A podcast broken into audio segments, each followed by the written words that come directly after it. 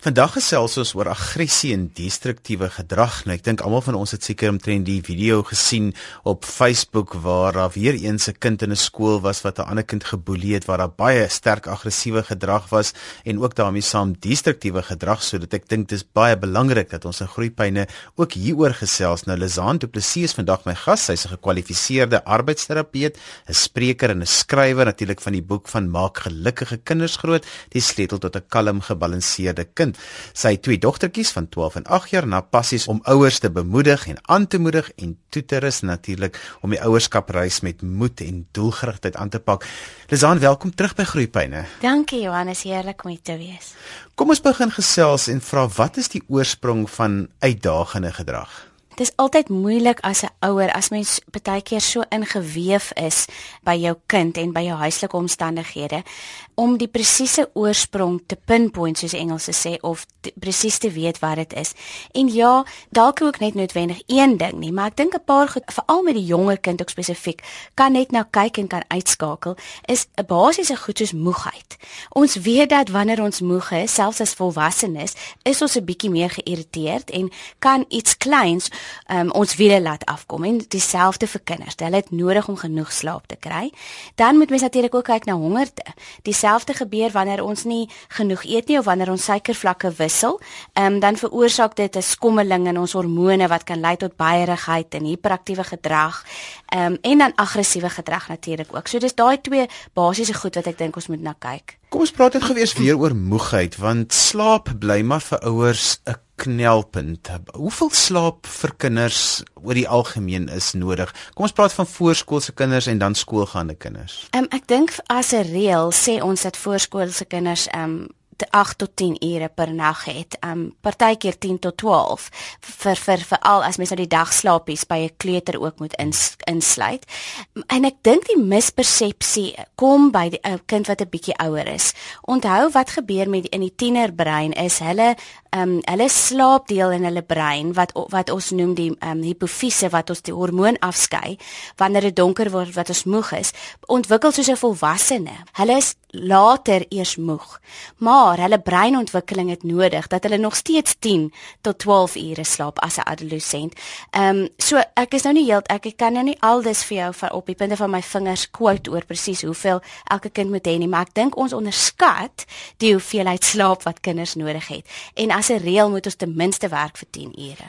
Ja, ek dink ook ouers is baie keer onder die wanindruk dat ontwikkeling net plaasvind as kinders wakker is. 'n Groot deel van die ontwikkeling gebeur juis as hulle precies, slaap. So hulle precies. moet genoeg slaap kry om ja. ordentlik te kan ontwikkel. Ja, ons weet dat baie van die goed wat ons leer in die dag word vasgelê as ons slaap in die nag, maar daar's ook 'n groot komponent van prosesering en verwerking van slegte gebeurtenisse en trauma en ehm um, wat in die nag gebeur. So dis baie belangrik om genoeg te slaap. Lizamba, wat is die verskil tussen wanneer 'n kind net moeg en honger is en dan nou bietjie baierig is of aggressief optree of dan nou destruktiewe gedrag het en wanneer dit iets is waaraan patologies aandag gegee moet word? Want anderswoorde, wanneer 'n kindige, wanneer dit te erg raak. Ek dink dit is presies wat jy sê dat ons met met eers daai goedjies moet uitskakel. Met ander woorde, ons seker is dat ons kind genoeg slaap, as ons seker is dat ons kind se dieet goed genoeg is, maar hierdie gedrag hou nog steeds aan.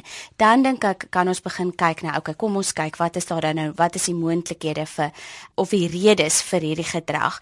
Ehm um, en iets wat ek wil noem wat belangrik is wat ek dink wat mense nie hoef op daai stadium ehm um, na professionele mense toe te gaan nie, maar wat mense net in ag moet neem as ouers is ons het te maak met 'n jong onvolwasse brein. En klein kindertjies besit nog nie die vermoë om met hierdie groot emosies altyd suksesvol ehm um, dit te hanteer nie. Um, en dit gebeur eers baie later. Um, ons sien eers dat kinders van omtrent in die ouderdom van 5 dat hulle frontaal lob met ander woorde die deel van ons brein wat besluite kan neem en probleme kan oplos, dan eers goed ontwikkel is om dit te kan doen. So in 'n jonger kind het ons te maak met 'n kind wat vir alles hy moeg is, vir alles aan die einde van die dag is en sy blokkie toring word omgestamp. Dalk baie aggressief kan optree en dit kan skop of sy maatjie kan byt of wat dit ook al is. Um, want hulle is nie in staat as gevolg van hulle jong onvolwasse brein om in daai situasie dit reg te hanteer nie. Ja, daarmee saam sê ek ook altyd kyk baie mooi na hoe jy en die res van jou kinders optree en jy en jou lewensmaat teenoor mekaar optree, want kinders doen ook maar baie keer soos wat hulle sien en wat hulle hoor dat hulle dink dit is die regte manier om te doen. So as daar baie aggressiewe gedrag in die huis is, gaan kinders dit ook openbaar. En die ander ding wat daarmee saamgaan is natuurlik ook met watter televisiespeletjies of rekenaarspeletjies jou kinders speel, want dit kan ook soos ek altyd in my Engelse woorde trigger wees. Dit kan so 'n afskop ding wees om baie ander goeters te veroorsaak. Maar 'n kind het ook 'n unieke sensoriese temperament, Lizaan. Wat beteken dit? Ehm um, dit beteken dat ons almal is bedraad op verskillende maniere en veral as dit kom by hoe ons die samelewing op 'n sensoriese vlak en ons eie liggame op 'n sensoriese vlak interpreteer en prosesseer. Ehm um, ek het 'n manier wat ek dit noem um, of wat ek dit makliker maak vir ouers om te verstaan en dit is dat ons moet onthou dat almal van ons het verskillende drempels in ons brein. Ehm um, en kom ons noem dit nou maar 'n koppie wat wat water moet ingaan. Party van ons het 'n klein koppie. Met ander woorde, daar's net 'n bietjie water wat ingaan voordat die koppie heeltemal oorstroom. Ehm um, en dit is 'n kind wat 'n lae drempel het vir sensoriese input. Of dit nou is beweging of geraas of iets wat hy moet proe of tas of aanraking en ek vergelyk hulle met krimpvarkies. Hulle is kinders wat baie gou hulle penne kan uitsteek en dalk aggressief kan raak of in hulle gaatjie en hulle doppie en in 'n balletjie kan inkruip. So hulle vermy die situasie of die stimulasie of die interaksie of hulle kan baie keer aggressief wees en sommer net vir mamma slaan of 'n kind byt en dit is nie eintlik in hulle aard nie want hulle is eintlik baie sensitief. Dis net 'n geval van daai koppie het nou genoeg gehad en hy gaan nou oorvloei. Die tweede ene is 'n koppie wat nou in teenstelling met die koppie wat nou baie klein is, 'n koppie wat baie groot is. En met ander woorde, hier kan baie water ingaan en hierdie is kinders wat wat soos kameelperde is. Ehm um, hulle is baie meer gemaklik. Ehm um, hulle is meer soos Engels sê easy go lucky kinders of uh, dit is net makliker vir hulle. Hulle val maklik in 'n patroon, hulle slaap gewoonlik beter. Ehm um, hulle is nie so ehm um, lig geraak en so sensitief vir besige omgewings nie. Daai tipe kinders toon gewoonlik minder en ek weet ek is nou besig om te oor vereenvoudig. Ehm um, maar ons sien tog dat daai tipe kinders nie soveel aggressiewe en destruktiewe gedrag toon soos ons krimpvarkie en ons laaste temperamentstel is ons is ons aapie. Dit is die ene wat 'n koppie het waar maak nie saak hoeveel water jy ingooi nie, dis asof daar gaatjies in die koppie is en dit lek net uit. Hierdie kinders het 'n soeke na nog en na meer. Hulle staan sommer in die oggend op en begin beweeg en ehm um, kan kyk hoeveel stimulasie hulle die dag kan kry. Is baie groot op drukkies en vat dan alles en wil en alles vryf. Ehm um, daardie tipe kinders vir alles hulle sensoriese stimulasie of hulle sensoriese gedrewenheid nie bevredig kan word nie. Met ander woorde, waar daar word altyd vir hulle gesê sit stil, moenie vroetel nie. Daai tipe kinders kan ook geneig wees tot aggressiewe en destruktiewe gedrag. Ek dink dit is so belangrik wat jy sê dat 'n mens ook moet weet wat, hoe is jou kind se sensoriese bewustheid want as jy weet jy het 'n aapie of jy het 'n krimpvarkie of jy het 'n kameelperd dan weet jy baie mooi dat op 'n sekere kind kan jy hard mee praat maar 'n ander kind se ore slaan behoorlik toe as jy te hard met hom praat. Dit is mos ook altyd vir ouers sê party mense hou van meer sout in hulle kos as ander. Party mense proe dit net sterker as ander. Ja. So verskil elke kind en ek ja. dink baie van hierdie aggressiewe gedrag is juis as gevolg van te veel sensoriese uh, ehm um, stimulasie wat 'n kind kry of te min. Ja, en ek dink dis daai plek waar daai drempel bereik is. Die koppie loop oor. Ehm um, en dat die kind weer eens ons onthou ons het te maak met 'n brein wat nog onder konstruksie is, dat hulle nie seker is wat om te doen met daai emosie en met daai drempel wat bereik is nie. Ek, ek moet vir jou sê, ek begin myself nou al goed ken en ons weet aan ek weet byvoorbeeld aan die einde van die dag dat ek nodig om in die bad te gaan lê voordat ek nou nog weer ander goeders doen of om myself om 'n glas wyn te drink of wat ook al dit is. Maar vir kinders is dit nog moeiliker want hulle ken nog nie hulle eie drempels so goed en hulle is ook nie altyd in 'n posisie om hulle self te kan uit die omstandighede uitneem nie. Hulle word geforseer om dalk nog langer te sit of om langer besig te wees waarmee hulle is. Nou iets wat onderwysers altyd vir jou sê is as 'n kind baie aggressief is by die skool, dan is dit baie keer as hulle begin navraag doen dat 'n kind het geen struktuur of grense by die huis nie. Ja.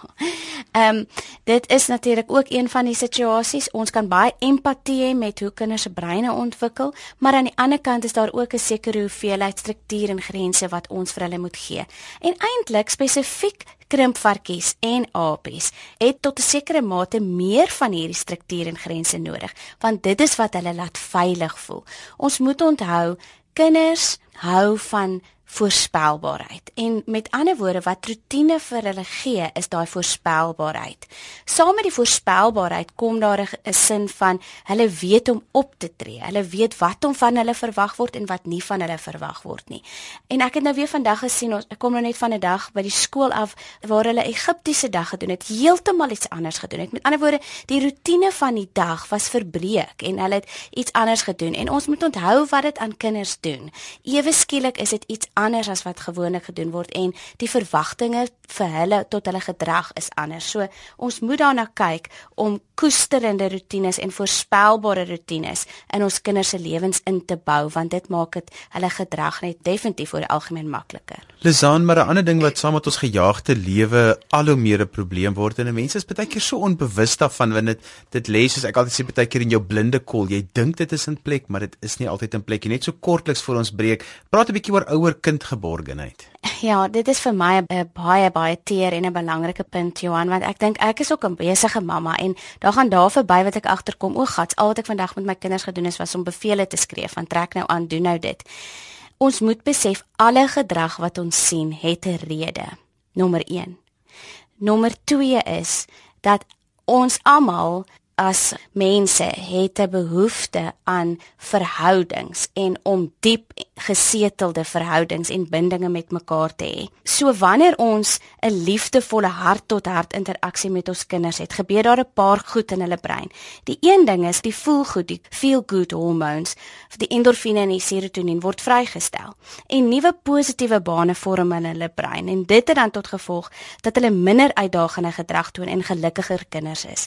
En ek wil eintlik ouers uitdaag om terug te gaan na hierdie aspek toe. As ons op 'n stadium bekommerd is oor ons kind se gedrag, nommer 1 behalwe dat ons kyk na die moegheid en die honger en daai basiese goed, is om net weer die horlosiekie te stel, 15 minute op 'n dag af te gaan op die grond, die kind te ontmoet op sy vlak.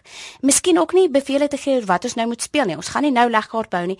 Wat wil die kind doen? Wat is dit wat in die kind se wêreld aangaan en waar kan ek hom ontmoet? En net die foon afsit en net daai liefdevolle hart tot hart interaksies het. Al is dit net vir 'n kort tyd op 'n dag, dis asof dit hulle emosionele tank vol maak en hulle vorentoe kan gaan van daar af. Jy luister na Groepyne saam met my Johan van Lille. Vandag gesels ek met Lizaan Du Plessis. Sy's 'n skrywer en arbeidsterapeut en ons gesels oor aggressie en destruktiewe gedrag. Onthou as jy die eerste gedeelte van vandag se groeipyne gemis het, jy kan dit aflaai as 'n potgooi by rsg.co.za. Kyk net uit vir die potgooi opsie en laai dit af in MP3 formaat en jy kan dit selfs op jou skootrekenaar of op jou foon luister. Lisaan, kom ons raak lekker prakties. Watter wenke het jy vir ouers vir die hantering van probleemgedrag? Nou, ek dink wat belangrik is is as ons net vir onsself 'n bietjie um stil staan en presies die teenoorgestelde doen as wat ons geneig is om te doen. Ons wil gewoonlik inklim en dissiplineer en fix en sê maar mens tree nie meer so op nie. Dis nie wat mens doen nie. Maar in steede dink ek moet ons bietjie terug staan en bietjie wag. Soos ek vroeër gesê het, alle gedrag het 'n rede voor. So kom ons kyk. Ek hou daarvan om te sê, kom ons kyk wat kan ons doen voor voor die tyd. Met ander woorde, voor die kind besig is om sy toys uit die katte te gooi, voordat die wiele afkom, voordat hy skree en homself op die grond neergooi, wat is daar wat ons dan kan doen? Dan kan ons ook 'n bietjie kyk na maar wat kan ons doen as my kind nou wel homself op die vloer neergooi en die destruktiewe gedrag toon, so met ander woorde in die tyd. En dan kan ons ook kyk na wat kan mens na die tyd doen om dit reg te maak. So kom ons begin gou met voor die tyd. Ek dink dit is dalk die fase wat die meeste ouers nie aan aandag gee nie. Ja, presies. Um, want ek dink soos alles is kinders baie keer geneig om bietjie voor ons te wees en voor ons osself kry, is ons al in 'n posisie waar ons dit moet hanteer. Maar hierdie is wenke wat mens dag tot dag moet doen en ons het al reeds gepraat van tyd spandeer. Ek dink ons moet ons tyd saam met ons kinders koester. Dis ons grootste gawe en die tekort aan tyd is ons grootste vyand. So kom ons spandeer bietjie weer daai 1 tot 1 tyd. Kom ons maak hulle emosionele tanks vol. Ehm um, want ons weet wat dit doen aan hulle breine. Ons weet dit help hulle om die endorfine, die ehm um, feel good hormone te laat vrystel. Nommer 1. Nommer 2 is kom ons kyk en ons luister weer na ons kinders. Kom ons kyk ehm um, wat hulle vir ons probeer sê. Onthou kinders kan nie altyd praat en verbaliseer nie, maar baie gaan aan in hulle lyfies. Maak hulle nog oogkontak? Is daar dalk iets wat hulle pla? Ehm um, luister. Ehm um, en ek dink wat belangrik is met die luister is weer eens tyd Ons gaan net ons kinders kan hoor en kan sien wat hulle doen as ons tyd met hulle spandeer. En dan natuurlik dat ons hulle help en vir hulle vaardighede leer om as hulle in daai oomblik is van waar hulle oorweldig voel deur die groot emosies, wat kan hulle doen? En ek hou daarvan om op twee maniere daarna te kyk. Om byvoorbeeld um, ehm, sommer net 'n kaartjie of of 'n papier te vat en twee woorde te skryf. Ek voel en ek kies. En ek voel is om vir die kind dan te leer om emosies te verbaliseer. Met 'n klein kindjie kan ons prentjies vat, net die basiese emosies van ek voel bly, ek voel hartseer en mens kan dit natuurlik baie verder vat. Ek voel gefrustreerd, ek voel gedetermineerd, ek voel jaloers, enige van daai emosie met en met hierdeur gee ons vir die kind permissie om te kan sê hoe hy voel. Daar's 'n verskil tussen ek is en ek voel en hier sê ons vir hulle dis oukei okay om kwaad te voel. Dis oukei okay om hartseer te voel. Hoe voel jy? En baie keer het hulle daai visuele um cue nodig soos 'n prentjie kan werk of net die keuse wat mamma stel. Sê vir my hoe voel jy? En dan die tweedens ek kies. So, wat wil ek graag hê om te doen of wat gaan my laat beter voel? Beter klink nou asof jy dit wil fix en ek dink ons moet natuurlik ook plek laat vir emosies soos hartseer en verlies dat ons dit nie altyd wil fix nie maar um, ek kies om 'n drukkie te kry van mamma. Ek kies om bietjie alleen tyd te hê. Ek kies om buite te gaan swaai. Weereens opsies vir die kind te gee wat ons dink in sy ontwikkelingsfase en in sy sensoriese temperament vir hom sal werk. Hoe spreek 'n mens se kind se sensoriese behoeftes aan? Ek dink die belangrike ding is om ons kinders te ken. So met ander woorde, as ons kan identifiseer watter sensoriese temperament ons kinders het, eh, is dit het ons te maak met 'n krimpvarkie, 'n kameelperd of 'n aapie, dan is dit makliker om te weet hoe om hulle sensoriese um, behoeftes aan te spreek. Krimpvarkies moet ons onthou, hulle het 'n klein koppie, so hulle raak gou oorgestimuleer. So vir hulle is 'n kalm omgewing baie belangrik om nie hulle dag te vol te pak met te veel buitemuurse aktiwiteite nie. Maar nou het ons 'n situasie waar daar baie keer 'n krimpvarkie en 'n aapie in die huis is en ehm um, dan 'n den of 'n tent of 'n plekkie te maak waar daai krimpvarkie weet hulle na toe kan gaan as dinge vir hulle te veel raak. So kalm en stadig is gewoonlik die ding wat ons met krimpvarkies wil doen. Met apies, um, alhoewel 'n mens wil hulle kalmeer want hulle is baie on the go en baie besig, is dit tog belangrik om vir hulle daai insette te gee, anders gaan hulle wiele afkom. Vir hulle is beweging baie belangrik, maar die regte tipe beweging. So ons kyk nou goed wat propriosepsie vir hulle gee. Met ander woorde, diep drukking, um, en trek en stoot in hulle spiere. So dink aan enige iets by die huis wat jy vir jou kind kan gee waar hy bietjie moet hard werk. Al is dit om die vloer te mop, al is dit om 'n boks rond te skuif. Krywaal loop is fantasties, diere loop is fantasties. Om op die grond te lê op 'n skooterbord op 'n skateboard en homself deur die huis te maak. Enige iets waar hulle 'n bietjie terugvoering kan kry om te hang aan 'n swaai, te klim op 'n boom, wonderlik vir hulle. Kameelperde het ook meer input nodig as wat mens dink, want hulle is die kinders wat geneig gaan wees om net dalk net te sit en te lees en baie rekenaarspeletjies te kan doen. En hulle het ook um, nodig om te beweeg. So begin by ken jou kind en dan twee kyk hoe jy hulle spesifieke behoeftes kan aanspreek. Nou wanneer aggressiewe gedrag voorkom met ander woorde in die tyd, so wat moet ek dan doen as dit en is dit destruktiewe gedrag? Is met ander woorde is eintlik my kind is nou stout. Ja. Hoe maak ek? Ek dink nommer 1 wag, soos ek nou-nou gesê het, ons is so geneig om in te gryp. Haal 3 keer asem.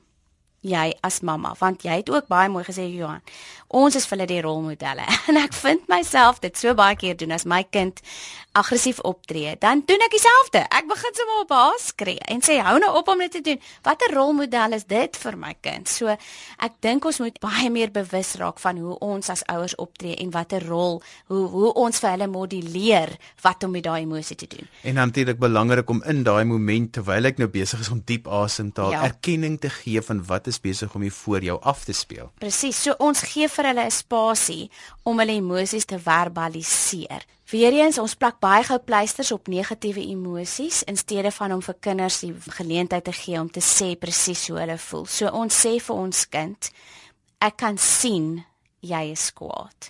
Of dit lyk vir mamma asof jy hartseer is. En vir hulle te sê, is ek reg? Natuurlik met 'n ouer kind kan mens dit vra, vir met 'n jonger kind moet ons nie onderskat wat ons sê nie. Ek dink tog ons kan dit ook vir hulle sê.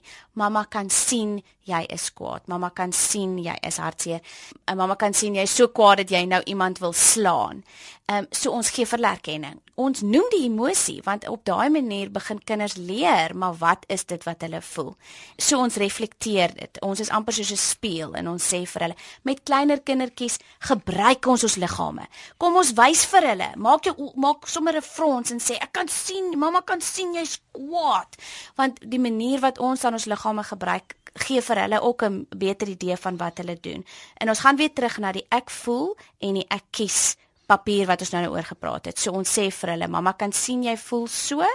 Wat kies ons om te doen? Wil jy by mamma kom sit en 'n drukkie hê? Moet ek jou in jou kamer sit of wat ook al? En ek dink daar is 'n tyd vir time out. Is dit hoe ons dit kan ons dit maar time out noem? Ehm um, die waar ons die kind fisies uit die omgewing uitvat en sê nou maar in 'n stoeltjie sit in 'n kamer um, en die deur toemaak en van hulle verwag om op hulle eie te sit. Maar daai tyd is ons as ouers geneig om te veel te gebruik in my opinie. En dit moet slegs gebruik word wanneer die kind op 'n plek is waar hy besig is om homself of die omgewing of die mense om hom seer te maak. Voor daai tyd is dit belangriker dat ons as ouers by hulle bly en vir hulle die vaardighede leer van wat om te doen met daai emosie dink baie keer moet ouers ook leer wat om met daardie emosies te doen. Nou wat maak ons dan na die tyd nadat ons aggressiewe gedrag by ons kind ervaar het of as ek destruktiewe gedrag waargeneem het? Ek dink dan is dit belangrik om weer eens vir die kind met hom te ons gaan weer terug na kom ons spandeer tyd by ons kinders. 'n Groot 'n groot probleem of 'n groot ding wat sy kop uitsteek wanneer kinders aggressiewe gedrag toon is skaamte. En ek dink die Engelse woord van shame ehm um, is dalk beskryf dit dalk beter, maar ons moet onthou dat baie van die aggressiewe gedrag wat onder aan dit lê is vrees um, en hierdie onvolwasse brein van ek weet nie wat om met hierdie emosie te doen nie. Nou is hulle aggressief. En as ons dit dalk op 'n verkeerde manier hanteer het, dan sit ons kinders met 'n geweldige klomp skuldgevoelens, met 'n geweldige klomp shame. Weerens is dit 'n geval van hulle weet nie wat om daarmee te doen nie. So kom ons ontmoet ons kinders weer en ons wys vir hulle ons stem nie noodwendig saam met die manier hoe hulle opgetree het nie, maar ons is nog steeds lief vir hulle. Ons gaan nog steeds by hulle staan en hulle hande vat en vir hulle help om dit beter te hanteer. En dan kan ons weer teruggaan na ons ek voel en ek kies en om te sê ek het so gevoel. Kan jy vir mamma help en sê hoe het jy gevoel? En as ek so voel wat kies ek om te doen? So ons gaan terug na daai basiese beginsel toe van dat ons ons kinders keuses gee opsies gee die permissie gee om te voel maar dan ook opsies te gee van hoe ek dit moet hanteer volgende keer Nou jy het twee begrippe wat vir my baie interessant is. Ek ons ken almal time out wat die Engelse begrip is, maar jy praat ook van time in. So wat is die verskil tussen die twee? Ek dink time in is 'n tyd wanneer ons tyd spandeer aan 'n emosie wat onderliggend is tot die gedrag. En dit is daai tyd wat ek gesê het wat ons in steede van om ons kinders alleen in 'n kamer te sit as hulle op daai plek is waar hulle wiele heeltemal afkom, eerder saam met hulle te sit en in die kamer te bly. En vir hulle deur ons fisiese presence deur ons fisies deur fisies daar te wees wys ons vir die kinders dat dit oukei okay is om te voel. Ons wys vir hulle hulle is nie alleen nie en ons gaan hulle help om hierdeur te kom. Deur time in en ek dink 'n belangrike ding is hier is ons nie besig om die gedrag te regverdig nie. Maar ons is besig om 'n emosie te regverdig. So, mamma kan sien jy's kwaad. In hierdie huis slaan ons nie. Dit is hoe ons eerder optree. Met ander woorde, ons gee erkenning en ons sê ons kan sien jy voel so en is oukei okay om so te voel maar dit is nie oukei okay om so op te tree nie. In steede van time out waar die kind alleen in 'n kamer is. En my gevoel is altyd dissipline beteken tog teaching, dit beteken tog leer. Wat kry die kind daar uit as hy verwyder word van die situasie? Ek weet daar's tye wat dit soos ons nou nog gepraat het van wat dit wel nodig is om dit te doen, maar ek dink 99% van die tyd is dit belangriker om time in te doen as time out. Lisanas ouers met jou wil kontak maak want ek weet jy's ook beskikbaar vir praatjies en jy het ook 'n blog. Vertel gou vinnig want ons tyd is verby. My blog www.lezanduplessis.com um, is 'n interaktiewe plek waar ouers kan vra vra, waar ouers kan meer lees en ook kan sien wanneer ek waar gaan praat en daar is ook 'n e-posadres info@lezanduplessis.com waar ouers my kan skakel daarmee moet ons groet vir vandag. My gas was Lizaan Du Plessis, bekende skrywer en arbeidsterapeut en ons het vandag gesels oor aggressie en destruktiewe gedrag. As jy weer na vandag se groeipyne wil luister, kan jy by RSG se webwerf by rsg.co.za na die potgooi gaan luister. Ons gee ook ons programinligting en ons gaste se kontakbesonderhede op Groeipyne se Facebook bladsy. Ons e-posadres is groeipyne@rsg.co.za. Jy kan ook maar net vir my skryf en dan sal ek vir jou Lizaan Du Plessis se kontakbesonderhede aanstuur. daarmee groet ek dan namens programregisseur Deselte Brein. Tot volgende donderdag van my Johan van Lille. Totsiens